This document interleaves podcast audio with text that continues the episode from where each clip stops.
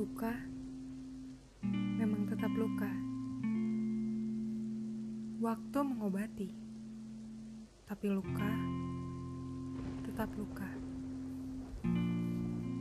Terisak sesak karena air mata enggan melakukan perannya.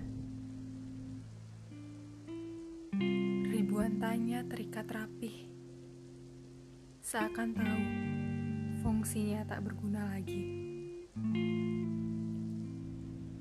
Merindu pada entah siapa.